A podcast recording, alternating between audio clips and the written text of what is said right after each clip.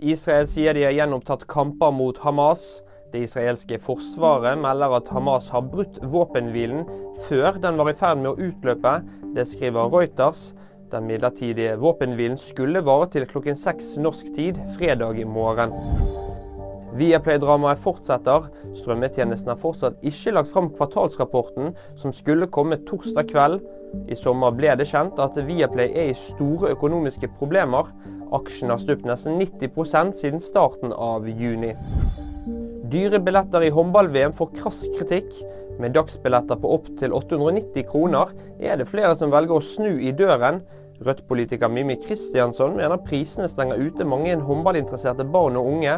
I Norges åpningskamp mot Grønland var tilskuertallet historisk lavt. Og det var VG-nyhetene. Nyheter finner du alltid på VG.